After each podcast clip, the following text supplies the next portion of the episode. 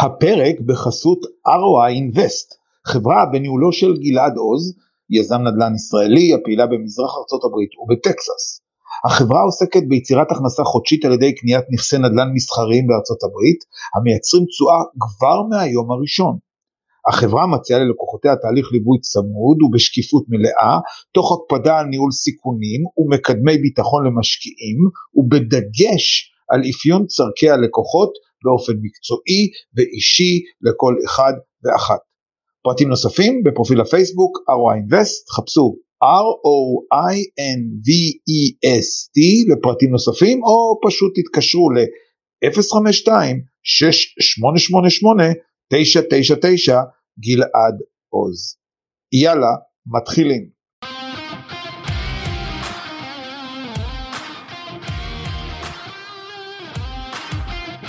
אמריקה baby, הפודקאסט שהוא שער הכניסה להבנת ההיסטוריה, החברה, הדיפלומטיה והפוליטיקה בארצות הברית, בהנחיית דוקטור קובי ברדה.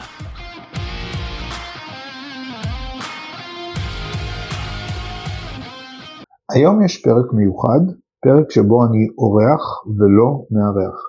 בפרק הזה התראיינתי אצל מיכל חפר, הבעלים והמנכ"לית של ליצ'י תרגומים, מי שנתנה לנו חסות ל-40 הפרקים הראשונים, בפודקאסט שלה עולם קטן עם מיכל חפר. חשבתי שיכול לעניין את אותם אלה שמאזינים לפודקאסטים, להכיר אותי קצת יותר טוב, לשמוע מי אני ומה אני, באופן כזה שמייצר היכרות קצת יותר עמוקה ביניכם לביני. אז אני מאחל לכם האזנה הרבה. ברוכים הבאים לפודקאסט עולם קטן על תרגום בעולם העסקי. אני מיכל חפר, מנכ"לית ליצ'י תרגומים, מספקים שירותי תרגום מקצועיים בכל השפות, ואנחנו בפודקאסט משוחחים עם אנשים שאני עובדת איתם, לקוחות, על הסיפורים שמאחורי התרגומים. והפעם אני שמחה מאוד לארח את דוקטור קובי ברדה, כשהכרתי אותו הוא היה קובי ברדה, היום אני גאה מאוד להגיד שהוא כבר דוקטור קובי ברדה, מומחה לפוליטיקה אמריקאית ולגיאו-אסטרטגיה, מהחממה לחקר דתות באוניברסיטת חיפה. היי קובי. אהלן מיכל, איזה כיף להיות איתך. כן, ממש ממש אני שמחה. אנחנו שומעים אותך הרבה מאחורי הקלעים בפודקאסט אמריקה בייבי, ויצא לי גם לתת אה, חסות על, הפר, על הפודקאסט הזה. 40 פרקים. 40 פרקים, אה, וגם אה, לערוך את הספר שלך שאתה הוצאת באנגלית, מוציא באנגלית. מוציא, כן. וזהו, אז אני ממש שמחה שאתה באת להתארח פה באולפן, לשמוע את הסיפור שלך. תודה. בוא תספר לי קצת, תציג את עצמך, מה הפעילות שלך. אז ככה, אני אה, בגדול אני מתעסק כמעט מאז שהשתחררתי מהצבא בתחום של תקשורת, דוברות יחסי ציבור. בערך לפני שבע שנים ב-2017 קמתי יום שבת אחד בבוקר ופתאום היה לי מין איזה הערה שהבנתי שהמקצוע שאני עובד בו אין לו תוחלת יותר. איזה מקצוע? הדובר, תחום הדוברות. הבנתי שעולם העולם שבו אנחנו התעסקנו שבמסגרתו דובר הוא בעצם איזשהו חלק מתוך פלטפורמה שהיא עושה נקודת היכרות או משפך אם תרצי בין אדם שהוא עיתונאי אוקיי? לבין מקור לבין מקור זאת אומרת הגוף שאותו אני מייצג כדובר וההתפתחות של הרשתות החברתיות במיוחד התפתחות של ה-3G ב-2012 הביאה לאט לאט לאט לאט לדעיכה וראיתי איך כל ענף התקשורת שאנחנו מכירים הולך ומתרסק לתוך עצמו. ובאותו בוקר שבת שהתעוררתי אמרתי לעצמי וואו יש לי עוד אופק של יותר מ-20 שנה לעבוד. ומה יהיה איתי? זאת אומרת אני מאוד חושש שבעוד זמן לא רב לא יהיה יותר צורך בדוברות, כי הכל היום מתנהל על פלטפורמות של אה, רשתות חברתיות, זאת אומרת כל אחד הופך להיות עיתונאי, אין עוד את הצורך הזה של גורם מתווך בין החדשות לבין מי שיושב בכורסה בבית. ומה אני אגיד שגם אני תכף העולם שלי גם בתרגום הולך להיכחד. אז, אז אני חייב להגיד כן. לך משהו בקשר לעניין הזה שזה באמת מאוד מפחיד, כי אחד הפרקים שעשיתי באמריקה בייבי היה פרק שמדבר על העתיד ובאמת מדברים על אזור 60% מהמקצועות אה, שאנחנו מכירים אותם היום כבר לא יהיו רלוונטיים בשנים הקרובות. אה, אבל אז עוד AI היה יחסית שולי ובטח לא בעוצמות, בעצמתיות שאנחנו נמצאים בו היום. אז מה שעשיתי אמרתי לעצמי רגע אוקיי מה אני יכול למצוא שהוא יהיה רלוונטי לעוד עשרים וכמה שנה. עכשיו כשאתה שואל את השאלה הזאת אז אתה אומר לעצמך אוקיי אז בוא ננסה לחשוב הפוך נעשה reverse engineering. איזה מקצוע מכבד שיער לבן. ישבתי, חשבתי, חשבתי, חשבתי, הגעתי למסקנה שיש רק מקצוע אחד כזה. דוקטור. דוקטור באוניברסיטה. כי כל דבר אחר חוץ מזה, זה, זה דינוזאור שלא יכול לעשות הסבה מקצועית סתם כך באמצע החיים שלו וזה אגב אם תשימי לב בקטנה יותר הרבה מאוד קציני צבא הולכים עושים הסבה כדי להיות מחנכים מורים מנהלים וכן הלאה כהוראה הוראה כמקצוע הדבר היחיד שעדיין עוד מכבד את הזקנה אם תרצי. אה, אמרתי אוקיי אם זה הסיפור אני יכול לעסוק באיזו הוראה שאני רוצה אז החלטתי שאני הולך על התחום שאני אוהב אותו מאז שהייתי ילד שזה פוליטיקה אמריקאית עוד כנער צפיתי ב West Wing וכל מיני סרטים שהתעסקו בנושא של, פוליט, בנושא של פוליטיקה אמריקאית ואמרתי אני צריך ללמוד אה, נושא של פוליטיקה אמריקאית. להפתעתי עד היום אגב אין שום אוניברסיטה בישראל שמלמדת פוליטיקה אמריקאית. אין דבר כזה. אני יודעת שאני הקשבתי לכל הפרקים הראשונים שלך של אמריקה בייבי ולמדתי כל כך הרבה על, טוב בעצם זה לא פוליטיקה אמריקאית זה יחסי ישראל, יחסי ארצות הברית, נכון, מאוד מרתק. א' תודה, אבל באמת לא היה, אין, זאת אומרת אם אתה רוצה ללכת ללמוד, אתה יכול או ללכת ללמוד בהיסטוריה של, של האמריקאיות, אגב זה נקרא היסטוריה של האמריקאיות, אז זה כל היבשת, כל, עד דרום אמריקה, או שאתה הולך ללמוד במדע המדינה ואז אתה מבקש לעשות התמחות ספציפית, אבל נגיד לימודים של פוליטיקה אמריקאית אין. התחלתי לסרוק אה, ולחפש מצאתי בארץ תוכנית, או בחו"ל? בארץ כמובן בארץ. שבארץ אז אה, מצאתי תוכנית שנקראת תוכנית רודרמן ליהדות ארצות הברית ואמרתי וואי את זה אני רוצה כבר ברעיון פתיחה עם אה, של מי שהיה אז ראש התוכנית היום אה, הוא הנשיא הנכנס של אוניברסיטת חיפה פרופסור גור אלרועי אמרתי לו תקשיב אני לא בא פה לקשקושים אני מגיע לפה אני רוצה מסלול מחקרי אני עד גיל 50 רוצה להיות דוקטור. לי תשמע זה לא נהוג בדרך כלל אה, מחליטים במרץ כאילו אחרי הסמסטר אמרתי לו אם אני לא מתקבל למסלול עם דוקטורט אני לא בא לפה. הוא אומר לי אוקיי אין בעיה הכל בסדר זה מה שאתה רוצה זה מה שתעשה. עכשיו זה נורא מצחיק למה אני אומר את זה ואני פה קצת ירים לעצמי אבל אבל אבל אני מרשה לעצמי. אה, כי יש כבר 11 מחזורים של תוכנית רודרמן למעלה מ-250 אנשים שסיימו בעצם רעיון של ישראלים שלומדים על יהדות ארצות הברית. אוקיי? שזה משהו שלפני זה לא היה. סתם לה, רק כדי להדגים, הייתה איתי סטודנטית במחזור שלי ב-MA, שהייתה לפני זה ב-BA, בלימודי עם ישראל, והיא הייתה היחידה שסיימה באותו שנה את התואר. זאת אומרת, כאילו, הייתה הבוגרת היחידה של BA בלימודי עם ישראל. אוקיי. אז תביני עד כמה הריסוק העמוק של כל מקצועות הרוח בישראל. אז מה שגור אלרועי עשה, הוא הצליח לגייס חסות ממשפחת רודרמן, להקים את התוכנית. כן, שנותנת מלגה של 5,000 דולר והמלגה הזאת היא בעצם מה שהיא עושה היא מייצרת יחס של 1 ל-3. אחד מכל שלושה אנשים שמגיש בקשה מתקבל.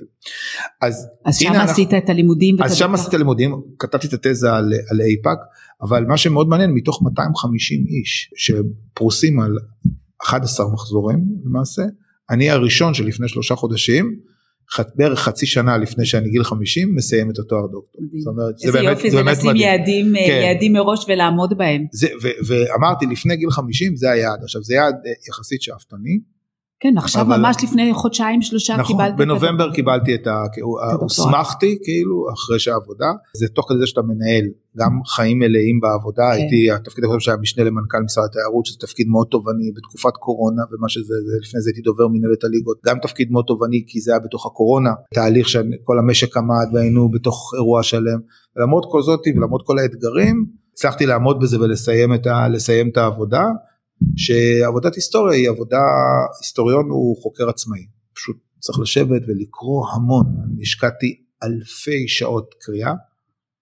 על מה הדוקטורט? אז זהו, אז אספר על מה הדוקטורט, אני אספר אה, דוגמה למשל למה עשיתי. אה, את הדוקטורט בעצם, אחרי שעשיתי את התזה על אייפאק, שזה בעצם השדולה היהודית, החלטתי שאני רוצה להתמחות ולהיות, אגב, גם בעולם של ארצות הברית, זאת אומרת, אין, אין, אם נרצה, תפתחי את כל עולם המחקר, אין מישהו שעושה את מה שאני עושה. ההתמחות שלי הייתה אה, השפעה של מה שנקרא grassroots, זה תנועה עממית על אה, הקונגרס האמריקאי, עבור יחס, כן. grassroots movement, כן? to impact Congress. וכתבת על זה גם ספר, נכון? כן, אז, אז, אז זה היה בתזה, כתבתי ספר, הוצאתי אותו בהוצאה של uh, סיפור פשוט, הוצאה עצמאית, uh, וזה היה ספר עצמאי, וזה היה התזה. הדוקטורט שבעצם עסק במחקר, התחקיתי אחרי אדם אחד, בכלל אני מאוד אוהב להראות איך אדם אחד יכול לשנות את ה... ג'רי פלוול, נכון? נכון, זה ג'רי כל פלוול. הידע שלי על הנושא הזה זה מבאמת, אני חושבת שעשרת הפרקים הראשונים של הפודקאסט, Mm-hmm. שתכף אני אולי גם נגיד גם עליו, כי באמת אמריקה בייבי זה פודקאסט שמדבר על יחסי ישראל, יהדות, היהדות ויהדות ארצות הברית, ארצות הברית וישראל. לא רק, גם ארצות הברית ומדינות אחרות, אני משתדל לקראת- להרחיב, כן, כאילו. וגם אני, אתה גם בונה אותו לקראת הבחירות של נכון. 20 ו- נכון, 24, כן. ובאמת בכל העשרת הפרקים הראשונים, שבניגוד לאחר כך שאתה מראיין אנשים, נכון, בהתחלה זה נותן בסיס מעולה תודה. להבין בכלל, אני לא אומרת לך, אני פשוט למדתי מזה המון על איך היהודים הגיעו לארצות הברית, איך הם השתרשו שם, איזה הצלחה זו בעצם הייתה כביכול ההגירה היהודית לתוך ארצות הברית וההשפעה האדירה, ואיך הם השפיעו על הקמת המדינה ועל השדולה היהודית ויחסי, ולכן אני יודעת את השם ג'רי פלוול, נכון, שלא שמעתי עליו בחיים. נכון, הוא פרק 7. כן. שם באמת אנחנו אה, אה, אה, ניסיתי לדבר על נצרות, נכון, כן. נצרות ציונית, והרעיון היה בעצם להתמקד על אחד מאוד מרכזי, גם אגב התזה הייתה על סי קנן שהוא אייפאק, שם אני אה, בדקתי איך אדם אחד מצליח להקים שדולה שמניעה הנעה לפעולה של אה, עשרות אלפי אנשים, שמייצרת בעצם את היחסים בין ישראל לארה"ב, כאילו זה אדם אחד, תחשבי זה מדהים, אדם אחד שבונה תוכנית פעולה, אין, אין הרבה את יודעת, כאילו, זה מדהים, זה אומר שכל אחד מאיתנו יכול לעשות את זה. אה, והסיפור השני היה באמת להשלים את זה וחיפש את התנועה. אוונגליסט התחלתי שאני מתמחה בג'רי פלוול, סיניור, האב, שב-1971 קיבל החלטה שהוא רוצה להקים אוניברסיטה. וממנה הוא התחיל בעצם תנועה שצומחת בשיאה ב-2006, למעלה מ-70 מיליון בני אדם, מה שנקרא born again Christian. נכון, אנחנו אוקיי. רוצים לדייק ולטייב את זה, התנועה היא מה born שנקרא, again Christian, born זה again Christian זה, זה תנועה ותיקה. בשנות ה-70 היא צומחת כתנועת אה, pop culture אם תרצי, אה, הם עושים שימוש מאוד משמעותי בתקשורת של שנות ה-70, למשל ב-71 שהוא מקים את האוניברסיטה, אין לו כסף ועדיין הוא קונה ארבע מצלמות צבעוניות ב-72 אלף דולר, כי הוא אומר אני חייב שיהיה לי שידורי צבע. אה, זה כאילו ההבנה המאוד כן. עמוקה שלו באיך הוא יכול להעביר את המסר. אה, הוא עושה שימוש המון, הוא עושה שיחות ועידה, 100 אלף איש בשיחות ועידה בשנות ה-80. הטכנולוגיה אצלו תמיד זה ה-cutting edge. חזרתי לפני פחות מחודש מסיור, הלכתי לאוניברסיטת ליברטי עצמה, זה מדהים כי אתה רואה שהם כל הזמן נמצאים בחזית הטכנולוגיה, הם למשל עבור ESPN, יש להם מרכז, הסטודנטים אה, עורכים קליפים של ESPN, זאת אומרת, אתה אתה אומר, וואו זה מדהים, זה כאילו ההבנה של הדת שהדרך הכי טובה אה, להעביר אותה קדימה זה לעשות שימוש אם תרצי בכלים מודרניים, רדיו, טלוויזיה והיום רשתות חברתיות. אין כנסייה שהיא ברמה של מעל חמישה סניפים שאין לה לפחות, לפחות כנסייה אחת שמתעסקת עם נושא של אוקיי. תקשורת, שזה מדהים בעיניי, וככה הם מצליחים לגדול ולצמוח. אז בעצם אתה מתעסק עכשיו בכל הנושא של הפוליטיקה האמריקאית, יחסי ישראל הברית, אה, הבחירות אה, ל- לרשות, לנשיאות של אה, ארצות הברית. אנחנו בעצם הכרנו על הבסיס הזה של הפודקאסט שאתה, למה להפיק פודקאסט בעצם, מה הייתה הכוונה, מה הייתה המחשבה פה? אז קודם כל שלום שמפיק את הפודקאסט של שנינו, הוא אוקיי. רדף אחריי שנתיים, ואמרתי לו אני לא יכול כי הייתי עובד מדינה, אבל אחר כך הוא רדף ורדף ורדף ואמרתי יאללה בוא ננסה. עכשיו אני חייב להגיד משהו בקשר למאזינים שלנו. קודם כל באופן יחסית זה לא מורכב להקים פודקאסט, שיגור טילים לחלל, בוא נתחיל ככה. זה פעם ראשונה. ופעם שנייה את היתרונות המשמעותיים אתה מגלה רק אחרי שזה קורה. זאת אומרת, אני לא הבנתי עד כמה הכלי הזה הפך להיות מבחינתי כלי מדהים. אה, דוברים של הוצאות לאור מתקשרים אליי, מבקשים ממני אה, אה, שאני אהיה זה שאפרסם או אעשה איתם איזשהו פודקאסט. אה, היית בוויינט, אחד נכון, הכתבות נכון. בוויינט, נכון, עם ברק, אה, שראיינתי את ברק סלע שהוא סטודנט בהרווארד, וראיינתי אותו בזמן אמת, והעלינו את זה, אז נכון זה הפך להיות כתבה שלמה בוויינט, אז זה הופך להיות כאילו אה, כלי רב עוצמה, אגב בזכות הסיפור הזה, בכובע שלי כמנהל האגף לפיתוח עסקי בעיריית נתניה, החלטתי שאני מקים פודקאסט, הקמנו פודקאסט, כאילו הקמנו חדר פודקאסט מאובזר, ואנחנו הולכים לחברות באזור התעשייה ואומרים תקשיבו יש לכם שלושה פרקים ראשונים במתנה, בואו תקליטו תספרו את הסיפור שלכם. לפודקאסט יש כל כך הרבה יתרונות, לא רק הפודקאסט עצמו, stand alone שהוא מדהים, רוב העסקים לא דואגים לטפח את ה, מה שנקרא דיגיטל פוטפרינט, את היכולת שלהם אה, שמישהו כותב בגוגל את השם של העסק שלהם, ואז מה שקורה, אה, מה שתמיד קיים וקיים אגב לכל עסק זה תביעות משפטיות. וכשאתה רושם שם של עסק ועולה לך תביעה, לא משנה רגע אם זה תביעה של הפרת זכויות יוצרים או תביעה של עובד או תביעה, אה, סתם תביעה, לא משנה, זה לא הדבר הראשון שהיית רוצה שיפגשו אותך כשאתה מחפשים עליך משהו. זאת אומרת, הרי איך, איך התרשים זרימה של לייצר לקוח, כן? בדרך כלל אתה שואל חבר, עברת תאונת דרכים, נסעת היום בבוקר, עברת תאונת דרכים, לא עלינו, דרסת מישהו, בסדר? קמת בבוקר, הכל היה בסדר, עכשיו אתה צריך עורך דין, אוקיי? אתה צריך עורך דין שיתעסק בזה, אתה עומד למשפט, אוקיי? אז עד אותו רגע לא ידעת שאתה תצטרך היום בבוקר עורך דין. אתה מתחיל לשאול, פייסבוק, זה מישהו מכיר עורך דין תותח לענייני תעבורה. ואז מישהו שאתה סומך עליו אומר לך, כן, לך לעורך דין פלוני אלמוני. אתה הולך לעורך דין פלוני אלמוני, הדבר הראשון שאתה עושה, הרפלקס הראשון שלך זה לחפש אותו בגוגל. ואז פתאום עולה לך כל מיני דברים. הפודקאסט, אז עולים גם הפרקים של הפודקאסט? יפה, אז מה שקורה, הרי כל הפרקים האלה, צריך אז לקדם את הפודקאסט. באדיבותו של שלום, מייצרים footprint אה, דיגיטלי מאוד משמעותי, כי הרי אנחנו מפיצים את זה על 29 פלטפורמות דיגיטליות שונות, ואז בן אדם מגיע והתראיין. אז איפה אתה מפיץ באמת?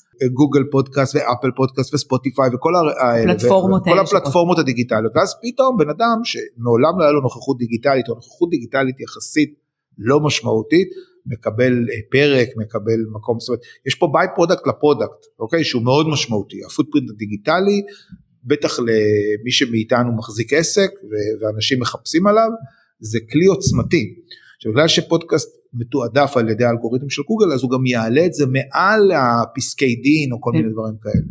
לכן אני רואה פה איזשהו משהו שהוא מאוד אה, חשוב ומשמעותי לבעלי עסקים. ו... אני גם האמת היא שאנחנו באמת הכרנו דרך שלום, דרך נכון. הפודקסייה, כי גם שלום אה, רדף, רדף אחריי אולי שנה אולי, אנחנו שנינו חברים ביחד בקבוצת נטוורקינג של אה, B&I עסקים בתנופה, ואחד הדברים שאני אוהבת בכלל ב networking זה ש...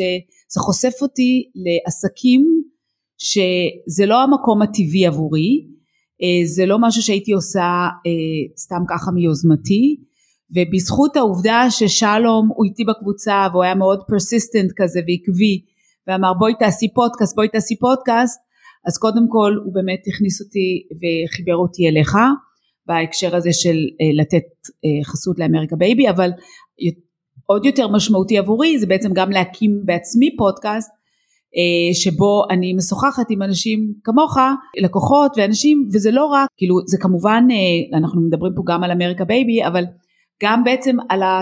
תהליך. על התהליך וגם בעצם על התרגום.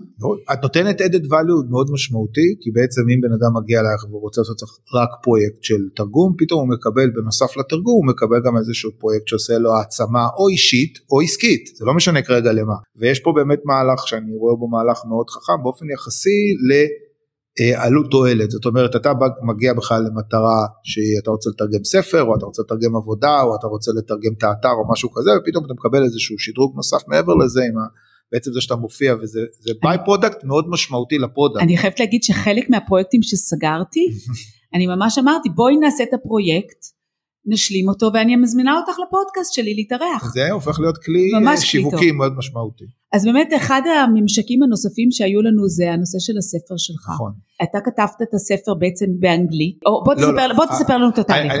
מה שקורה זה דבר כזה, את ה, הדוקטורט נכתב בעברית, אוקיי? הוא 260 עמודים בערך. מה שאני יודע שאני רוצה לעשות זה להוציא את זה במה שנקרא University Press, אוקיי? זאת אומרת אה, אני צריך להוציא את זה בהוצאה של הוצאה אוניברסיטאית. עכשיו, העבודה שלי, הכתיבה הסתיימה בסביבות חודש ינואר 23.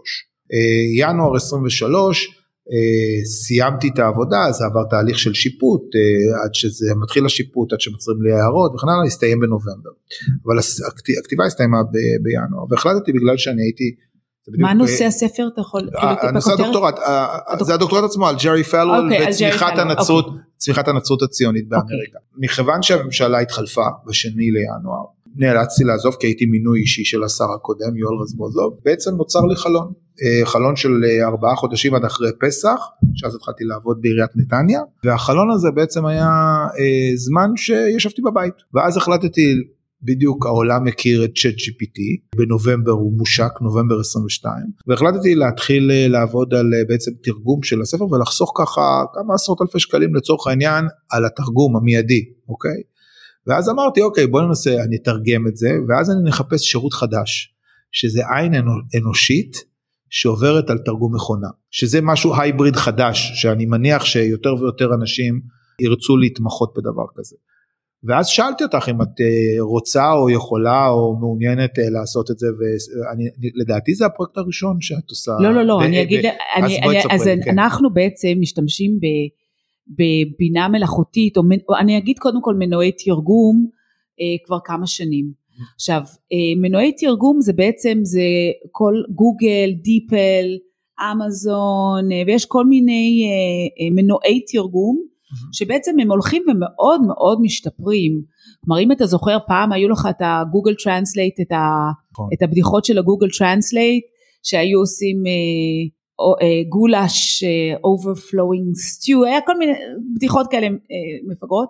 היום זה כבר, אה, ב, התרגום הוא באיכות מאוד מאוד גבוהה. עכשיו זה גם סוג של בינה מלאכותית, זה באמת המנועי תרגום וזה כבר נמצא הרבה מאוד בש, בשימוש ובשנה האחרונה זה קיבל בום מטורף בגלל שהאיכות שלו מאוד מאוד גבוהה.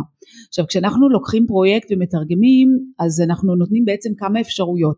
קודם כל התרגום האנושי המלא הוא עדיין מאוד פופולרי כי הם רוצים את ה...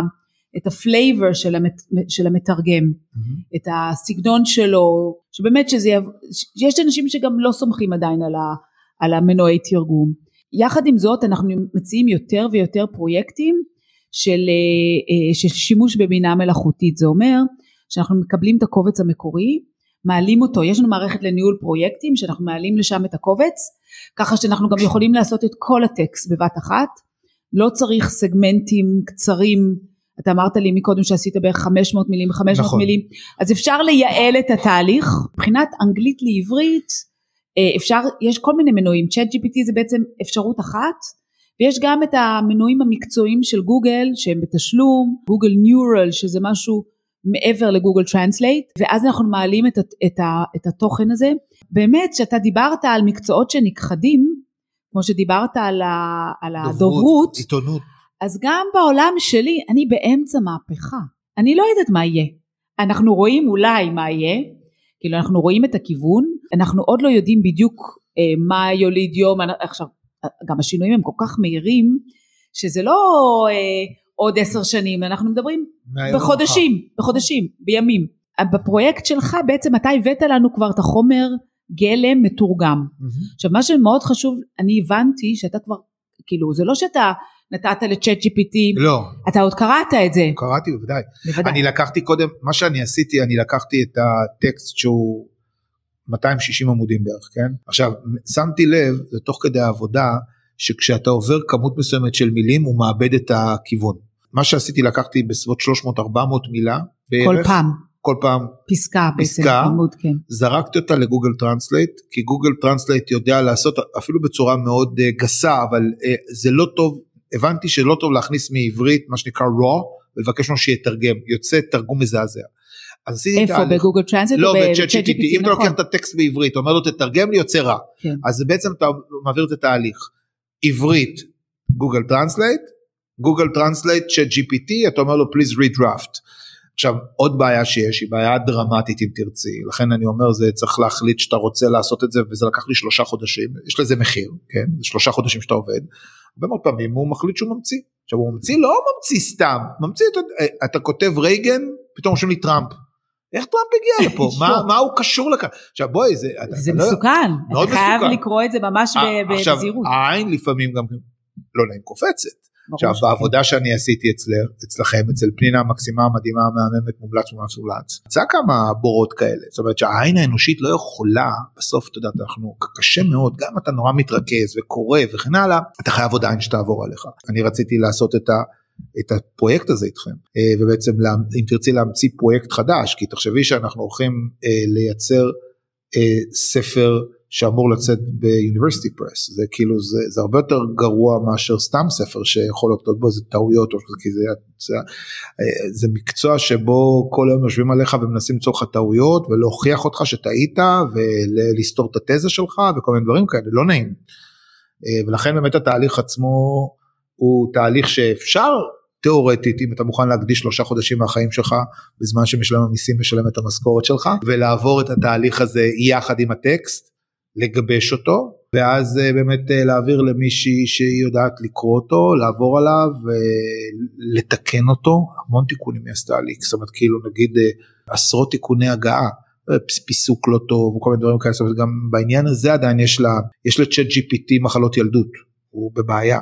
ולכן עדיין צריך, חייבים מים אנושית, אי אפשר, אי אפשר להסתמך לבד על צ'אט GPT, רע מאוד, אוקיי? חייבים, זה חלק מתפקיד של המתרגם בעידן שלנו, זה שוב, בין אם זה, כאילו אם תרגום מההתחלה זה סיפור אחר, אבל להשתמש בטכנולוגיה אה, זה משהו שהוא מאוד מאוד חשוב, כי באמת יש כלים מצוינים. כן, זה האדפטיביות שהמקצוע שלך צריך לעבור. נכון, אנחנו, אנחנו עוברים, יש, אה, כשאנחנו, גם כשאנחנו משתמשים בכ, בכ, בכלים של הבינה המלאכותית, מנועי תרגום, אז חייב חייב שמישהו יעבור על זה. בטח אם זה יוצא ומתפרסם, זה, זה ברור שחייב ולפעמים גם עדיף עוד בן אדם, כי אחרי ש... ש, שמסיימים עדיף גם לעשות עוד איזושהי הגעה. לא, זה ברור, כי הרי מה יקרה, אני הולך עכשיו לעשות road show ולמצות למצוא... מוציא לאור. או מוציא לאור. מוציא לאור בוודאי ברגע שהוא יקרא את ה-raw material, עוד יעשה את התהליך שלו, את ההתאמות שלו, וכך, זה לא מחר מודפס, אני לא עושה, החומר הזה הוא לא הדפסה עצמאית, לכן התהליך הייחודי שלי פחות נורא במובן הזה שיש מי שעוד יעשה תיקון על התיקון, כן? למה אתה עושה road show אם יש לך כבר, יש לך כבר הוצאה לאור שאתה רוצה לעבוד איתה? לא, אין לי הוצאה לאור. אני, אני בעצם... אמרת משהו עם האקדמיה? לא, יש, כדי שתוכל להוציא ב-University Press, שזה דבר שהוא מאוד חשוב. התפתחות האקדמית, כן? מאוד חשוב שהספר שאתה הוצאת אותו יעבור דרך, תמיד אפשר להוציא, לכן אני מחפש מאוד את, ה, את הקונספט הזה של, של תרגום שעובר על התרגום, ואז אחרי זה אני שולח את זה, בסדר, לקבל מוצר שאני מעביר אותו, שולח אותו ועל זה יעשו את התיקונים, לכן אני מרגיש מאוד נוח עם השיטה הזאת. כן, זו שיטה ש... שיש סופרים שאנחנו מקבלים עוד תרגום של ספרים מההתחלה, אה, ממש אה, raw translation, כאילו ממש מה... כן, מעברית, לא, לא, מעברית כן. או משפות אחרות לשפות אחרות, כי בעצם היו לנו ספרים שתרגמנו מאיטלקית לאנגלית, תרגמנו כמה ספרים מעברית לספרדית וצרפתית, עשיתי גם פרק פה בפודקאסט על בכלל כל התהליך הזה של לתרגם ספר ולהוציא אותו לאור אה, בחו"ל, פרק לא יודעת 6, 7, 8 לא זוכרת, עם אה, דוקטור יניב זייד שהוא מתמחה בהוצאת ספרים בחו"ל, אני אחבר אותך גם כן, יכול להיות שתוכל ללמוד ממנו, ובאמת השלב הוא של התרגום ואחר כך של ההגעה, בין אם משתמשים, תראה, עם השימוש בכלים הטכנולוגיים זה חוסך זמן, ובאמת אני לא, אני בחלק גדול מהמקרים התוצאה היא מעולה. כלומר אתה לא, לא חייב ללכת עם התרגום האנושי. אני מרגיש שהתוצאה שלי מדהימה. כן. אה, אני מרגיש שההערות, בכלל מהרגע הראשון, אני סיפרתי לך קודם, מהגט גו, הרי התהליך שאתם עושים, אתם שולחים לנו אה, שלושה מתרגמים עם עמוד אחד ותבחר למי אתה הכי מתחבר. אה, פנינה, שבחרתי בה, כתבה, כתבה במכתב תשובה, אמרה תקשיבו אין את הטקסט בעברית, אני לא רוצה לתרגם טקסט שאני לא רואה את המקור שלו. אמרתי טוב אותה אני כבר רוצה, כאילו אמרתי זה הכי מקצועני שיכול להיות, לבוא ולהגיד אני רוצה לקבל את הטקסט בעברית, כאילו ישר הרגשתי שיש לי קליק איתה. ובאמת בלי שום קשר לכלום, אני חושב שהעבודה שלה באמת הזדמנות אה, להגיד דרך הפודקאסט שלך, תשלחי לה, אה, להגיד לה תודה רבה, שהיא מדהימה, היא מהממת, היכולת שלה היא וירטואוזית כמעט. אה, גם, גם בעצמה, היא מחליטה שהיא הולכת, נגיד אני שמתי ציטוט, הרי מה הבעיה, אתה עושה מעברית לאנגלית, סליחה, מאנגלית לעברית לאנגלית. אז, אז היא לא מתעצלת, היא הולכת נגיד וממש חפשת את הטקסט המקורי, מעתיקה את הטקסט, אומרת לי קובי תקשיב התרגום פחות טוב, הלכתי לטקסט המקורי וגזרתי כאילו את הטקסט המקורי. עכשיו מה זה גזרתי? זה לא גזרתי copy paste, זה להקליד, כי זה ספר שהוא, את יודעת, pdf או צילום או משהו כזה. זו רמה מאוד מאוד גבוהה ואני מאוד מאוד מרוצה מהעבודה. מתרגם עם אה, ראש גדול. זה אחד הנכסים המאוד מאוד חשובים שמתרגם בעצם התפקיד שלו ממש להתעמק בתוך התוכן ולהעביר את המסר משפה אחת לשפה שנייה ולדייק, להעביר את זה בסגנון טוב. המחויבות, ו... התחושה היא ש, שיש רמה גבוהה מאוד של מחויבות ואתה רוצה שהטקסט יהיה, לא מעט פעמים אמרה לי תראה במקור אתה תרגמת מאנגלית לעברית את השם של העיירה כך וכך, תקן בעברית, אז אני כבר לא הולך לתקן זה כבר בספרייה. אבל uh, אני מאוד אהבתי לקרוא את ההערות צד שלה. עכשיו ש... למה רצית לתרגם את הספר בעצם מה? אני, חלק, למה זה חשוב לך? תכל'ס זה לא חובה באמת, כן? הרי זה פרויקט שהוא יהיה הפסדי. אני לא הולך להרוויח כסף מהפרויקט הזה, זה פרויקט שאני משלם את כמה עשרות אלפי שקלים בסופו של כל התהליך הזה, כן? רויאלטיז שאתה מקבל על זה, זה, זה זוטות. אה, זה מאוד חשוב בתהליך ההתקדמות אה, האקדמית. זה משהו שהוא מאוד מאוד חשוב, שיהיה לך איזשהו, אה, אה, שהדוקטורט שלך יצא ביוניברסיטי פרס. אני חושבת שזה גם חשוב שאחר כך יכול להיות שזה יפתח לך הזדמנויות להרצות, אולי... כן, ב... זה בוודאי. זה כאילו, ברגע בוודאי. שיש לך ספר באנגלית, אז... אבל את יודעת, הבעיה שלי, במקרה הספציפי שלי, זה לא קורה במקרים אחרים, זה שאני כתבתי ספר שנגדיר את זה, אמריקאי ליברלי טיפוסי לא יאהב לקרוא אותו. ויש bias, ולא, זאת אומרת אנשים אה, לא יאהבו, לא שלא הייתי ביקורתי כלפי... אה, אבל מ-Liberty University יכולים להזמין אותך, לא? אז, אז קודם כל, לא, אני מדבר רגע על ההוצאה של האור. אז אה, אם אה, אה, המוציא לאור הקלאסי מקבל את הספר ואני גוזר לגזרים את uh, חייו של, uh, של פאלוול, אז, uh, אז כנראה שזה יצא די בקלות. אבל זה, זה לא מה שקורה בספר, זאת אומרת, או העבודה, העבודה מוכיחה חזון של בן אדם, באיזשהו מקום יש לי, ייצרתי מה שבדרך כלל קורה, אתה מייצר הזדהות עם האיש שאתה כותב עליו את העבודה, אני, אם תרצי לצורך העניין זה הביקורת שאפשר להגיד, למרות שהביקורות של שני אנשים כן. שקראו את העבודה היו עבודה פורצת דרך, יוצאת דופן, וכל מיני כאלה, ה-peer review שעשו לי, אבל עדיין נגיד אני לא משלה את עצמי, אני חושב שיהיה קשה. אה, למכור את הספר הזה להוצאה okay. אוקיי. לאור אז צריך לעבור תהליך אבל בסדר. אוקיי okay. עכשיו uh, האמת היא שנראה לנו אני כבר כמעט לקראת הסוף אבל אני רוצה כן שניתן uh, דגש קצת על נושא של פודקאסט נחזור חזרה mm-hmm. לנקודה שהתחלנו ובעצם איך אתה מקדם את הפודקאסט שלך איך, איך מגיעים? כי יש לך כבר מלא, כן. יש הרבה צפיות והאזנות בוא נאמר ובאיזה ערוצים אתה עושה את זה. בוא ניתן אולי כמה טיפים לאנשים שיש להם פודקאסט ש... ובעיקר אני רוצה את הטיפים בשביל עצמי כי גם אני אוהבת לקדם את הפודקאסט שלי. איך מה, מה הכלים שאתה עושה כדי באמת לקדם אותו? קודם כל אני מאוד משתדל שתמיד שמראיינים אותי שיהיה כתוב בעל הפודקאסט אמריקה בייבי ואז אה, בעצם זה הופך להיות מעין איזשהו מותג uh, חלק מה title כן, שלך. כן חלק מה title שלי ואנשים שומעים ואני רואה גם כן יש כבר איזה 700 או 800 איש שעוקבים רק בספוטיפיי. זאת אומרת שהוא מקבל הזרקה של תוכן באופן קבוע במיוחד אם הוא עשה את הפעמון הזה. אז להשתמש בכל רעיון שיש לך כשאתה רעיונות אה, לא עם עין אלא עם א' כן ולקדם את זה. זה אחד. שתיים אני מציע להקים קהילה הקהילה שאתה מקים אותה זה דף פייסבוק או, או איזשהו משהו מהסגנון הזה שבו אתה בעצם זה הופך להיות נקודה שמרכזת את כל הפרקים שעולים ואז אנשים יכולים להיכנס לראות לחפש להכיר וכן הלאה. שלוש אנחנו מדברים בעיקר על uh, עניין של uh, אצלי המלחמה דיברנו לפני זה המלחמה התואר דוקטור והפודקאסט עשו לי פלאים בטוויטר. אני צמחתי מאלף של הראשונים לקח לי שבע שנים אלף עוקבים הראשונים האלף השני לקח לי שלוש שנים, האלף השלישי עוד שלוש שנים, שלושת אלפים, ואז הקצב התחיל לגדול בצורה מסוימת, אני תכף עשרת אלפים בטח שהפרק הזה, זה, אני כבר עברתי את זה, מי שרוצה אגב לעקוב אחריי בטוויטר הזה, שטרודל קובי ברדה אה, עם דאבל בי, אה, ולעקוב אחריי, אני, אני מת, מתרכז בעיקר בטוויטר, אני חושב שזה כלי סופר משמעותי, נמצאים בו אנשים בעלי השפעה דרמטיים, והיכולת אה, אה, לעשות אה, share לאיזשהו ציוץ שלך, חלק מהציוצים שלי הגיעו ל-400 אלף קוראים. מדהים. וואו. אז אה, אה, אני, אני ממליץ מאוד על, על טוויטר, כאילו, כי גם... תלוי בקהל יעד שלך. ברור, כי קהל היעד, אה, נכון. אתה, אני, אתה בתקשורת, עיתונאים, בדיוק, אני בברנצ'ה.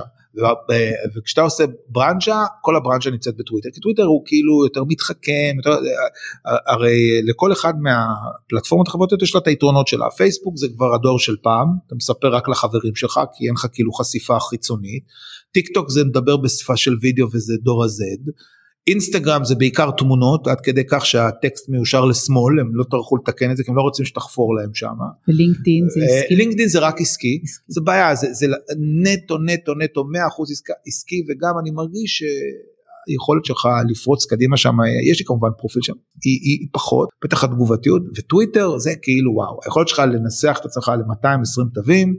אה, מביאה אנשים סופר יצירתיים למקום הזה נוצר שיח לפעמים מאוד רעיל זה אחד הבעיות הכי קשות של טוויטר, הרעילות של הזה, כי, כי זה רעיל, פלטפורמה רעילה, אה, אבל היא מאפשרת לך להגיע באמת אה, כאילו מבחינת מסר, הדהוד מסר, כולם okay. אוקיי. נמצאים שם. אני מניחה שכל בעל פודקאסט או בכלל נכסים דיגיטליים הוא יחשוב לפי הקהל יעד. לעשות התאמה, בדיוק. אתה צריך לעשות התאמה. כן. אז אני מבחינתי הייתי אומרת שקודם כל אני כבר כמה חודשים עם הפודקאסט קודם זה מגניב ממש ו, וזה מאוד נעים לי לפגוש כמו שאני פוגשת אותך עכשיו פנים מול פנים גם לפגוש אנשים אחרים שאני עובדת איתם.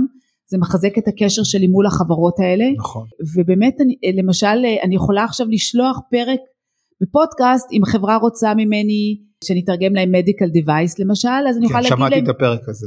כן תודה. ו- אז אני יכולה לשלוח להם הנה בואו תאזינו לפרק על, על אה, חברה שעשתה איתי מכשור רפואי או מישהו שרוצה להוציא ספר אז אני אשלח לו את הפרק. על הפרק שעשינו על הוצאת ספרים או וובינארים או הייתה לי יועצת לכלכלת המשפחה שראיינתי. גם את הפרק הזה שמעתי. אז אה, אפשר באמת להשתמש בזה באמת ככלי שיווקי וסך הכל כשאנחנו שומרים על קשר עם הקהל שלנו עם קהל הקוראים אני עושה את זה הרבה באימייל כן, מעבר הניוזלטר שאתם ניוזלטר. מוצאים אחת לכמה זמן. אתה נכון. גם מוציא ניוזלטר? לא, אני פחות אה, עובד עם זה, אני, אני החלטתי שאני רוצה להתמקד בדבר אוקיי, אחד, בסדר, אני על טוויטר, זהו, מעולה, אני רק שם, מעולה, אין לי, מעולה. פשוט אין לי מספיק זמן. בסדר, מעולה. אז אנחנו, אנחנו באמת מתמקדים בכמה ערוצים, גם בניוזלטר וגם ברשתות החברתיות וגם בלינקדאין, אבל אנחנו פונים לקהל קהל אחר. קהל, קהל נכון. אחר. אוקיי, על הכיפאק, אה, תשמע, עברה, עברנו כמה וכמה זמן, יותר מחצי שעה, אז, אה, ככה זה שנהנים. אז קובי, רציתי להגיד לך המון תודה שבאת והתראיינת. תודה לך, גם על, ה, גם על החסות וגם על העבודה המדהימה שאתם נתתם כסוכנות, התאמה, אה, ליווי, גם מורה מקסימה שכל הזמן עוקבת ובודקת, אה, יחס אישי מקסים בסוף, בטח כשאתה עובד ב, ברמה של אה, אדם לאדם, זה, זה מה שקונה לטעמי לפחות את, ה, את הרצון לחזור ולעבוד. על הכיפאק, תודה רבה. תודה. תודה רבה שהאזנתם אה, לפרק אה, בפודקאסט עולם קטן על תרגום בעולם העסקי. אם אתם רוצים להגיע לקובי ברדה אז פשוט חפשו אמריקה בייבי באינטרנט, בטוויטר. ואני מיכל חפר, מנכ"לית ליצ'י תרגומים. אנחנו ב-www.lichy.co.il. כמובן אתם יכולים להרים לי טלפון 0523 51 60 70 ותודה רבה לשלום סיונוב מהפודקסייה לא רק על הפרק הזה ועל אירוח הפודקאסט, אבל שמחבר אותי לקובי ברדה. ושוב המון תודה לחסות ל-ROI Invest, חברה בניהולו של גלעד עוז, יזם נדל"ן ישראלי הפעילה במזרח ארצות הברית ובטקסס, ניתן למצוא אותה ב-ROINVEST, או פשוט להתקשר ל-052-6888-999. תודה מיוחדת לחברת הפודקסייה בניהולו של שלום סיונוב על הפקת הפודקאסט הזה. נתראה בפרק הבא.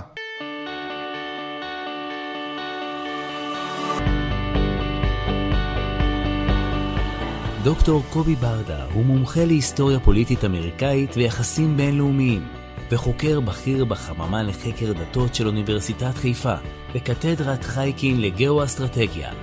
דוקטור ברדה הוא גם מחברם של הספרים "המפתח להבנת דונלד טראמפ" ו-Grassroot Path to Congress. מחקריו מתמקדים בשתולות למען ישראל בארצות הברית, דת ופוליטיקה באמריקה וגאו-אסטרטגיה.